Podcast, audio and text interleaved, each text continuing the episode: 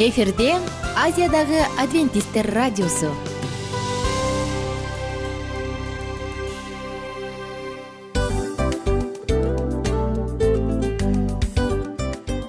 Достор салют. Баардык сүйүктүү угармандарыбызга салам айтабыз. Кутман күнүңүздөр менен. Ден соолук өмүрдүн булагы демекчи саламат саамы программасында баарыңыздарды көргөнүбүзгө абдан кубанычтабыз. Анда алгач амандашып өтөлү арбаңыздар деп. Ден соолугуңуздар кандай элибизде көбүнчө ден соолук кандай дегенде эле жакшы деп жооп беребиз э? ооруп турсак дагы жакшы дейбиз. Анан мен муну айтып ойлойт элем бул абдан сонун сөз депчи анткени бул жакшы деген үмүт да ооба баары жакшы болот баары сонун. Деп үмүттөнүп атып эле өзүбүздү өзүбүз дарылап коебуз. Анысы кандай сиздин дагы ден соолугуңуз жакшы беш деген үмүттөбүз чындыгында ден соолук бул өмүрдүн булагы деп бекеринен айтылган эмес деп ойлойм. Кыргыз элинде анткени эгерде ден соолук жок болсо анда адамдын жашоосунда калган баардык керектүү маңыздуу нерселер өзүнүн баалуулугун жоготуп коет. Ошондуктан ден соолук бул эң керектүү нерсе. Ооба туура айтасың кесиптешим чынында ден соолугуң жок бир эки үч күн ооруп калсаң эле э кандай болуп калат? Жашоодо көз каранды болуп каласың көп нерсеге жетишпей каласың көп нерсени кыла албай каласың жада калса эшикке дүкөнгө да чыга албай каласың. Туптуура анан ден соолук болсо демек биз биздин бактыбыз тотой деп койсок болот. Анда достор саламат саамы рубрикабызды баштайлы. Алдыда өзүңүзгө керектүү болгон сонун кеңештерди уга аласыздар. Мына ошондуктан биз менен бирге болуңуздар. Ал эми биз болсо милан жана айнура. Кеттик алга. Алга саламат саама ден соолуктун жарчысы. Саламат саама ден соолуктун ачкычы. Күн сайын сиз үчүн мыкты кеңештер сонун жаңылыктар кызыктуу фактылар. Биздин рубрикада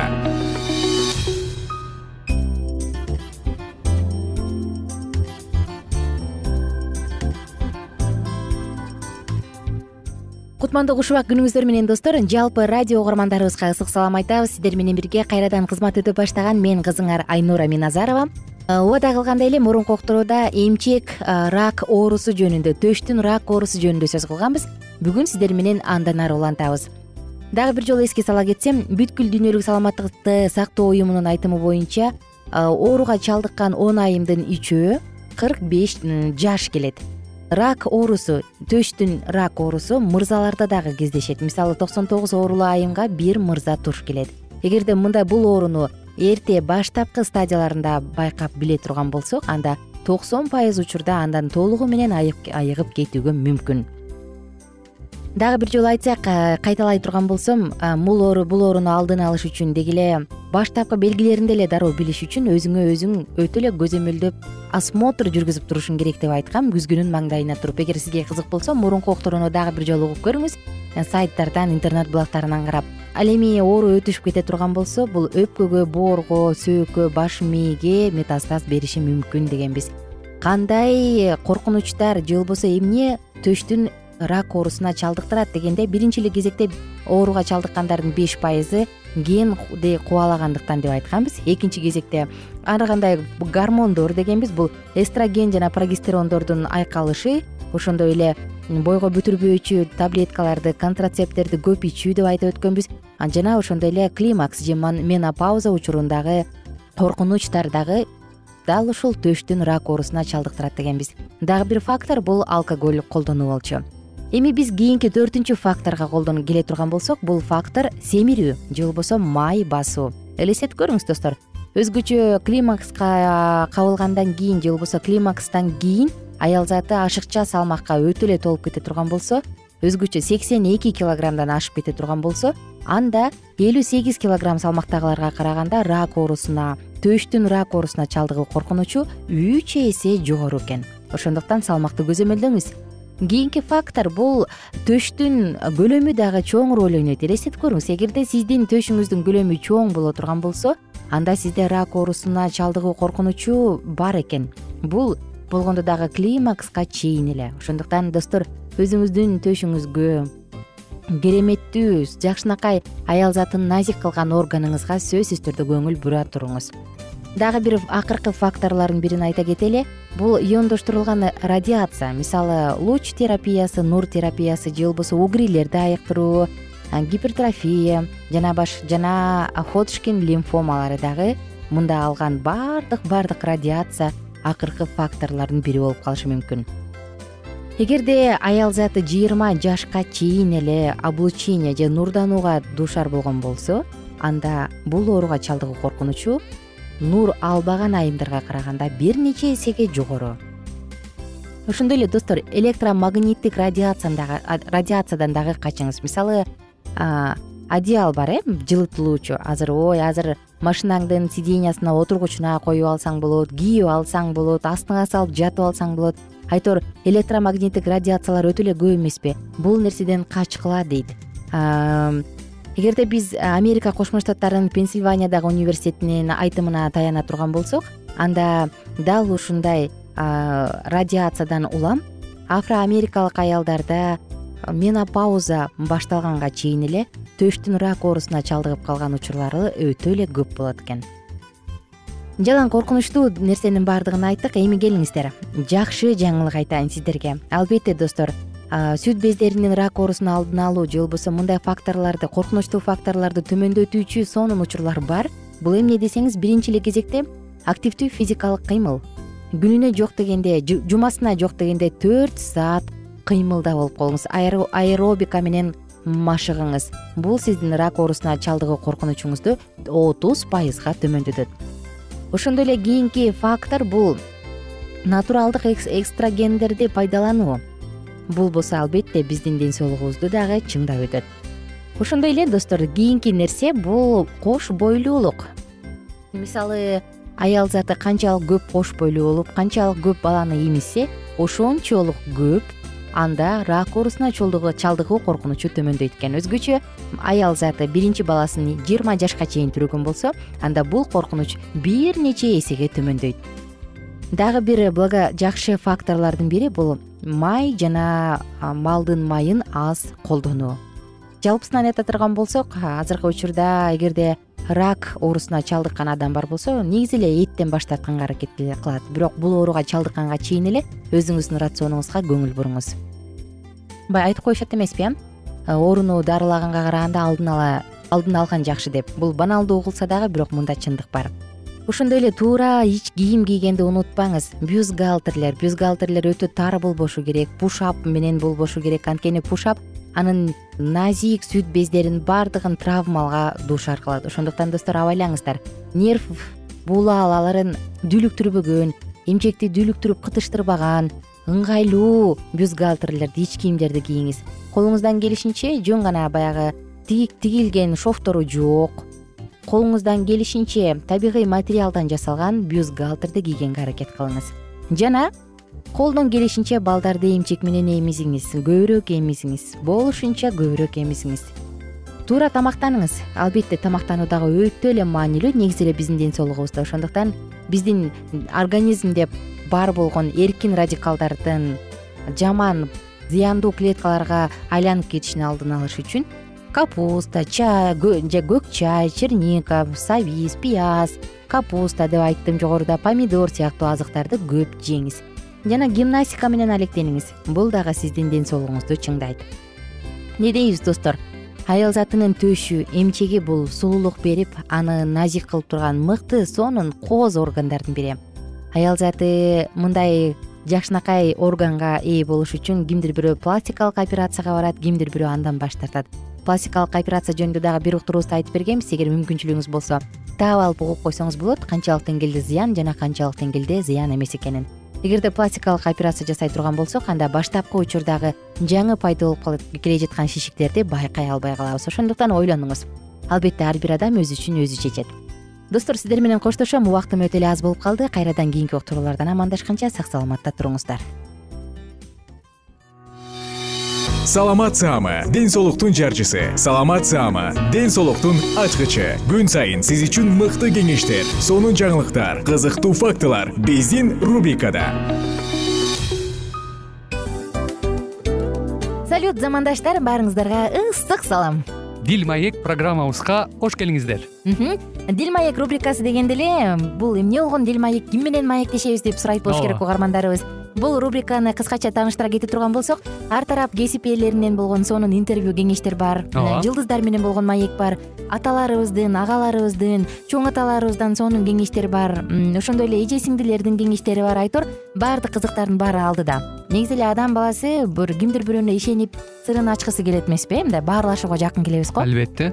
Негизи бир жерге отуруп алып кенен шашпай баягы жүрөктөн жүрөккө ачып сырларыбызды ар кандай көйгөйлөрүбүз менен бөлүшүп баягы чын жүрөктөн маек курганды кимибиз сүйбөйбүз э? Ооба десең ал нерсеге суусап да келебиз да. Ооба кээ бирде адамга чындыгында баягы э, ысык маек баягы жылуу маек жетишпейт да. Ошондуктан биз ушул рубриканы ойлоп тапканыбызда эң биринчи эле достор сиздер менен чын жүрөктөн бир маңыздуу темаларды козгоп кеткени э, кааладык. Ошондуктан ушундай сонун бир рубриканы тартуулап жатабыз. Анын үстүнө радио дагы сонун дос да анткени э, мындай учурда досуңа айтсаң досуң досуна айтат досу досуна айтат да анан бүт өлкө билип калышы мүмкүн го. А радио болсо сени сатпаган сенин айыбыңды ачпаган сенин сырыңды эч кимге айтпаган сонун дос мына ошондуктан биздин алдыдагы айта турган кеңештерибизди биздин досторубуздун кеңештерин угуп анан ал жака пикириңизди дагы калтырып кайрадан биз менен байланышсаңыздар болот. Деги эле жашооңузга эгерде кичине болсо дагы өзгөрүү алып моралдык жактан нравовалык жактан сонун бир кеңештерди алсаңыз демек биз максатыбызга жеттик. Ооба. Чыңгыз атабыз улуу жазуучу э, чыңгыз айтматов айткандай адам болуу бул күнүмдүк процесс экен. Күн сайын адам бойдон калуу бул адамзатка эң эле кыйын дейт э? э эң кыйын дейт. Чындыгында бунун э, негизинде адамдын эң баягы сапаттуулугу адамдын э, адамгерчилиги жана көптөгөн керектүү нерселер. Мына ошол темалар дагы бизде ушул дил маекте биз аларды да козгойбуз ден соолук жөнүндө да сүйлөшөбүз. Сөзсүз түрдө анан милан мырза негизи айтып коюшат го. Биз көбүнчө эмнени ойлонсок ошол нерсеге карата иш кылабыз го. Ооба. Анан анысы балким бул радио баракчада кимдир бирөөнүн оюн текшергенге жардам берет кимдир бирөөнүн жүрөгүн текшергенге жардам берет. Балким кимдир бирөөгө жашоонун маңызын тапканга жардам берет айтор кызыктын баары алдыда бул жөн гана кыскача жарнама анда угармандарыбыздын баардыгын кийинки рубрикабызга чакырабыз. Ал эми кызматта маңдайымда отурган кесиптешим милан жана мен айнура. Анда эмесе биз даярдаган терең терең ойлор менен таанышууга кеттик. Алыс алыс баралык. Анда эмесе достор биз менен бирге болуңуздар. Алдыда эң кызыктуу маалыматтардын баардыгы бир нече мүнөттөр бою жалгыз гана сизге арналат мына ошондуктан жакшы маанай менен угууну каалайбыз. Үн алышканча жөнөдүк. Ар түрдүү ардактуу кесип ээлеринен алтын сөздөр жүрөк ачышкан сыр чачышкан сонун маек дил маек рубрикасында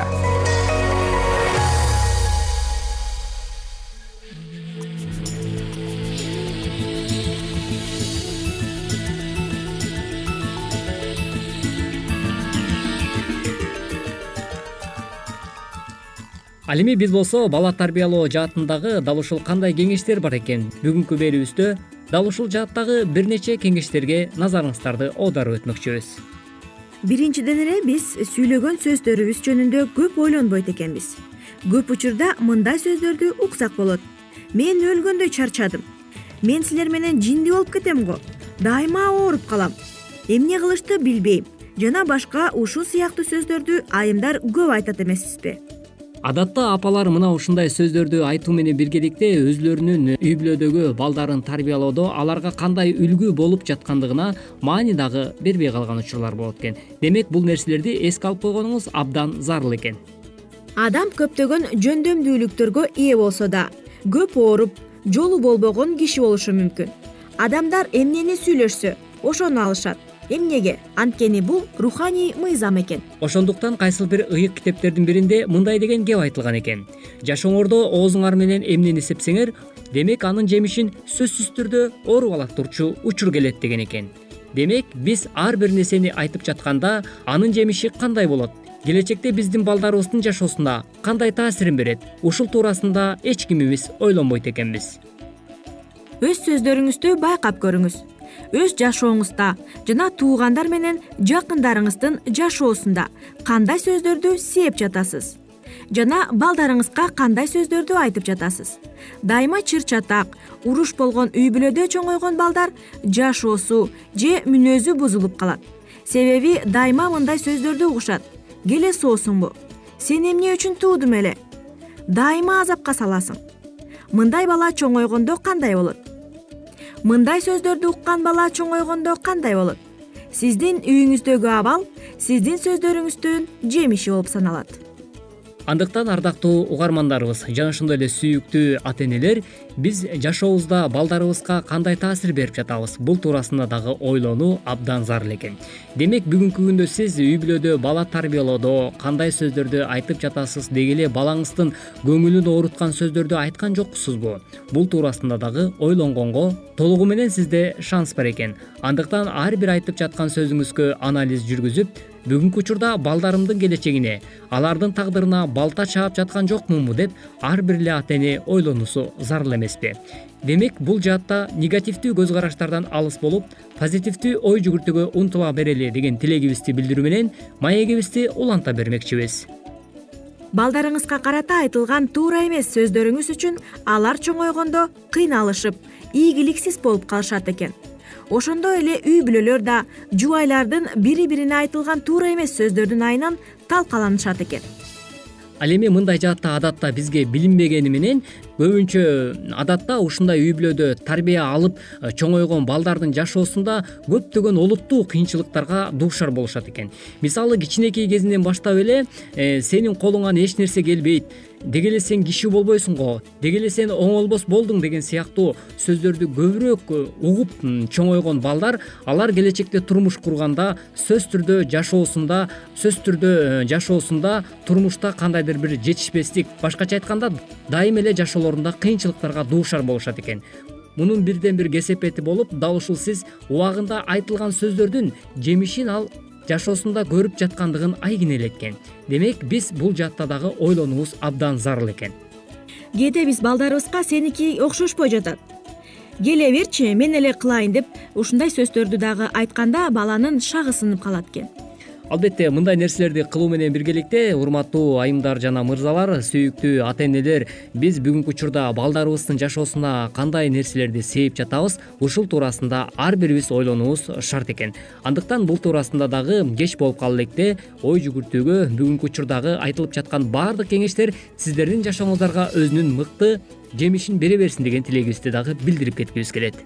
Дал ушундай сөздөр балаңызды жаралантат экен аз келгенсип анын мээсин ийгиликсиздикке алдын ала даярдап коет экен ал өзүнүн акылсыз жана чоргок сезип апакем кайрадан ачууланбасын деген ойдо келечекте демилге көтөрүүдөн корко баштайт экен ошондой эле мындай үй бүлөдө чоңойгон балдар дагы өтө жөндөмсүз э, кандайдыр бир деңгээлде коомчулук менен аралашып кетүүлөрү дагы абдан э, начар өнүккөн болуп калат экен. Мисалы үчүн э, мектепке барган учурларда өзү менен өзү болуп баардык учурда ушул өзүнүн оюн эркин айта албай билгизе албай адатта балдар өтө жапа чегип жана кыйналышат экен ал эми бул нерсени ошондой үй бүлөдө чоңоюп жаткан балдардын ата энелери көңүл чордондо калтыргандыктан аларга көп деле маани бере беришпейт экен андыктан сиз балаңызга кандай сөздөрдү айтып атасыз?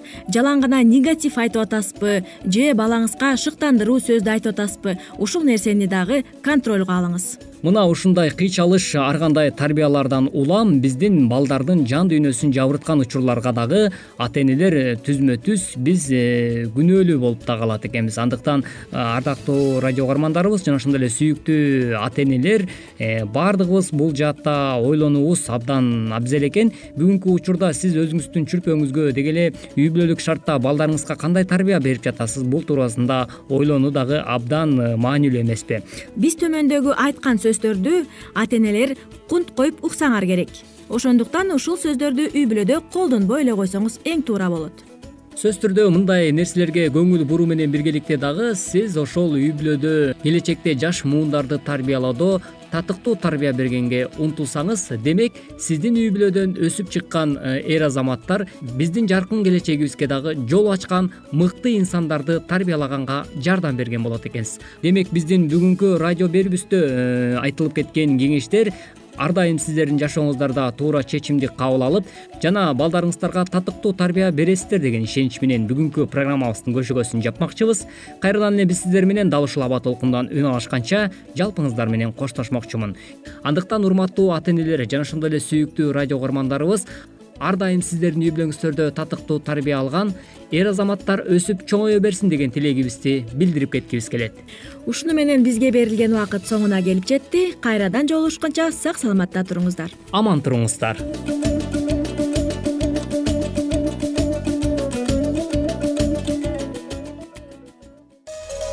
ар түрдүү ардактуу кесип ээлеринен. Алтын сөздөр жүрөк ачышкан сыр чачышкан сонун маек. Дил маек рубрикасында.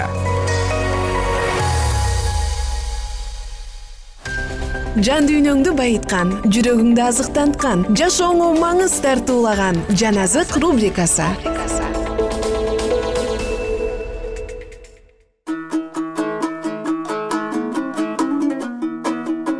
арбаңыздар кадырлуу калай кыргыз элим. Жана жалпыңыздар менен амандашып саламдашып жан азык рубрикасын баштадык. Бүгүн сиздер менен дагы куткарылуу тарыхы деп аталган китепти андан ары улантабыз. Мурунку уктуруулардан бери бизди угуп тыңдап келген болсоңуз бүгүнкү уктуруу дагы дал ушул окуялардын уландысы эмесе андан ары уланталы теңир өзү ысрайылдыктарды биротоло жок кылып сенден улуу эл жаратам дегенде муса пайгамбар аларга ырайым кыл деп өзүнүн ысрайыл элине болгон сүйүүсүн далилдеген. Ал кайгыруу менен кудайга жалдырап ысрайыл элинин күнөөсүн кечир кечире албасаң теңир анда мени дагы өмүр китебиңден сызып сал деген. Муса пайгамбар көз жумду. Бирок анын денеси бузула электе микель периште аны кайрадан тирилтип асманга алып кеткен. Шайтан болсо анын сөөгүн талашып бул мага таандык деп ачууланган. Кудайга адилетсиздик кылып аны өзүңө алдың деген. Бирок машаяк шайтандын азгыруусунан анын күнөө кылгандыгы үчүн шайтанды зекибестен момундук менен өз кудай теңирине кайрылып теңир сага тыюу салсын дейт. Ыйса машаяк өз шакирттерине жанында отургандардын арасынан өлүмдү көрө электе кудайдын даңкын жана күчүн көрө тургандары болоорун айтат. Бул айтылган убада тоодогу ыйса машаяктын өңүнүн жаркырап өзгөрүшүндө иш жүзүнө ашты. Анын жүзү күн нурундай жаркырап анын кийими аппак болуп кубулган. Анын жанында турган муса пайгамбар өлүп кайра машаяктын экинчи келишинде тириле турган адамдарды билдирген. Ал эми өлбөй тирүү бойдон асманга алынып кеткен ильяс пайгамбар ыйса машаяктын экинчи келишинде тирүү бойдон өлүмдү көрбөй асманга өзгөрүлүп алынып кете турган адамдардын билдирип турган. Шакирттери таң калуу менен машаяктын кудуретин карашты жана аппак кардай болгон булут аларды дагы чулгап алды. Анан алар асмандан чыккан кудайдын мындай деп айткан сөзүн угушту. Бул менин сүйүктүү уулум аны уккула сегизинчи бап курмандык чалуу. Машаякты кандайча сатып коюшкан. Шайтан жүйүттү алдап койду. Жана анын оюна машаяктын чыныгы шакирттеринин бирисиң деген текебер ойду салды. Бул шакирттин жүрөгү таза эмес болчу. Ал ыйса машаяктын керемет иштерине күбө болуп анын жердеги кызматында аны менен бирге жүрүп чын эле ыйса убадаланган машаяктын машаяк экендигин айкын далилин көргөн. Бирок ушунун баардыгын көрүп турса дагы жүйүт ач көз акчаны сүйгөн куйтуу адам болуп кала берди. Мариям ыйса машаякка кымбат баалуу атырды бутуна куюп майлаганда ал туталанып жаман болгон. Мариям өз пайгамбарын сүйгөн ыйса машаяк анын болгон күнөөлөрүн кечирген жана анын жакшы көргөн бир тууганы өлүп калганда кайрадан тирилтип койгон мына ошондуктан мариям ыйса машаяк үчүн эч нерсесин аяган эмес. Ыйса машаяктын бутун майлаган атыр канчалык кымбат болсо анын куткаруучусуна болгон ыраазычылыгы ошончо чоң. Жүйүт өз ачкөздүгүн акташ үчүн бул атырды сатып анын акчасын жакырларга таратып бербейт белек деген сунушун айтат. Ал бул сөздөрдү жакырларга камкордук көргөндүгү үчүн эмес бирок ач көздүгү менен жакырларга берилет деген маанадан акча катып алып тургандыктан айткан жүйүттү ыйса машаяктын муктаждыктары дагы тынчсыздандырган эмес. Бирок ач көздүгүнө шылтоо таап жакырлардын муктаждыктарына жамынган мариямдын мындай берешендиги жүйүттүн ач көздүгүн ашкерелеген мына ушундайча азгырылууга алып баруучу жол ал үчүн даярдала берди. Анын жүрөгү мындай ишке өз топурагын даярдап койгон. Эл башчылары жана дин кызматчылар ыйса машаякты жек көрүшкөндүгүнө карабастан көпчүлүк эл анын кереметтерин көздөрү менен көрүш үчүн жана ал айткан даанышмандык сөздөрүн угуш үчүн машаякты айланчыктап жүрүштү. Анын жанында элдер ырахат алышып кереметтүү устаттын насаатын угушкан эл башыларынын көпчүлүгү ага ишеништи бирок өз ишенимдерин ачык айткандан коркуп турушту билинип калыша турган болсо аларды ишинен бошотуп салышмак. Дин кызматчылары менен аксакалдар элдердин дитин ыйса машаяктан алыстатыш үчүн тезинен бир чара көрүүнү көздөшө башташты. Элдин баардыгы ыйса машаякка ишенип кетишет деп коркушкан. Ошондуктан алардын жүрөктөрү тынчтанган жок. Алар же өздөрүнүн коомдогу даражаларын жоготуш керек же ыйса машаякты өлтүрүп тынышы керек. Жада калса аны өлүм жазасына беришсе дагы анын керемет иштеринин тирүү эскерүүчүлөрү кала берет. Ыйса машаяк лазарды өлгөн жеринен кайрадан тирилтип койду. Жана дин кызматчылар ыйса машаякты өлүмгө тапшыра турган болсок лазар анын керемет иши жөнүндө айта берет дешти. Өлүмдөн кайра тирилген адамды көрүш үчүн элдер тынбай лазарга келип жатышты. Ошондо дин кызматчылар бул толкундоону токтотуш үчүн лазарды өлтүрүш керек деген чечим кабыл алышат. Жана иудейлердин көңүлүн ата бабалардын каада салттарын карманганга ондуктарды тартууларды жыпар жыттуу чөптөрдү жана майларды алып келүүгө бурганга аракеттенишет. Алар эми элдердин тилин дитин өздөрүнө мына ушундайча бургулары келди. Ыйса машаякты элдердин арасынан кармап кетүү мүмкүн эмес болгон. Анткени элдер анын жакшы иштерине жана жакшы сөздөрүнө күбө болуп турушканда дин кызматчылардын мындай иштери үчүн өздөрүн таш бараңга алып өлтүрүшмөк. Ошондуктан аны жалгыздатып кармоону чечишти жүйүткө дин кызматчылардын ыйса машаякты кармап өлтүргүлөрү келип жүргөндөрү маалим эле. Жана ал бир нече күмүш акчага ыйса машаякты кармап берүү үчүн чакырылды. Акчаны сүйүүчүлүк бул шакиртти өз устатын анын айыгышкан душмандарынын колуна тапшырып берүүгө моюн сундурган. Ошол түнү ыйса машаяк өз шакирттери менен кече өткөрүп алар менен баарлашты. Жана алардын баардыгы өзүнөн баш тартып кетише тургандыгын капалуу көрүп турду жана шайтан жүйүт аркылуу өз аракетин жасай баштады. Бирок петир башкалар андан баш тартып кетише турган болсо да ал өзү андан эч убакта баш тартпай тургандыгын айтат. Ыйса ага мындай деп жооп берди. Шымон шымон шайтан силерди калбырдан буудай сыяктуу элеп өткөрүүнү суранды. Бирок ишенимиң жоготпосун деп мен сен үчүн сыйындым. Кайра кайрылганыңдан кийин бир туугандарыңдын ишенимин бекемде деди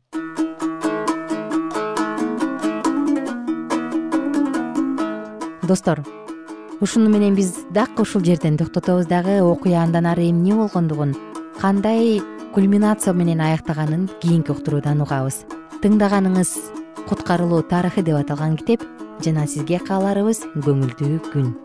Бар болуңуздар аман болуңуздар жалпыңыздар менен кайрадан амандашканча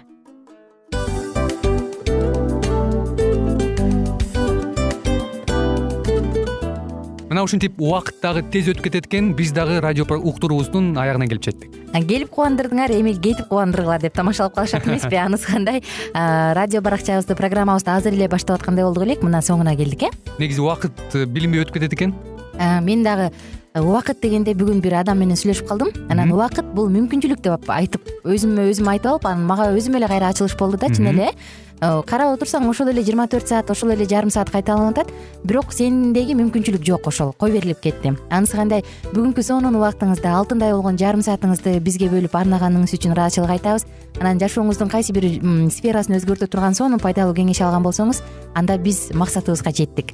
Анан ушул нерсени кылбасам десеңиз ошол өзгөрүүлөрдү кичинекей кадамдардан баштап иш жүзүнө ашырыңыз дагы жашооңузда чоң чоң ийгиликтерге жетиңиздер чын жүрөктөн ар бир берилген кеңештер сөздөр сиздерге пайдасын алып келет деп ишенебиз жана кийинки уктурууларда сөзсүз түрдө чыдамсыздык менен сиздерди күтөбүз. Сагынычтуу салам айтып кайрадан дал ушул жыштыктан баардыгыңыздарды тосуп алганча. Кызматта мен айнура жана кесиптешим милан. Анда кол булгалайбыз жалпыңыздарга ийгиликтүү күн. Саламатта калыңыздар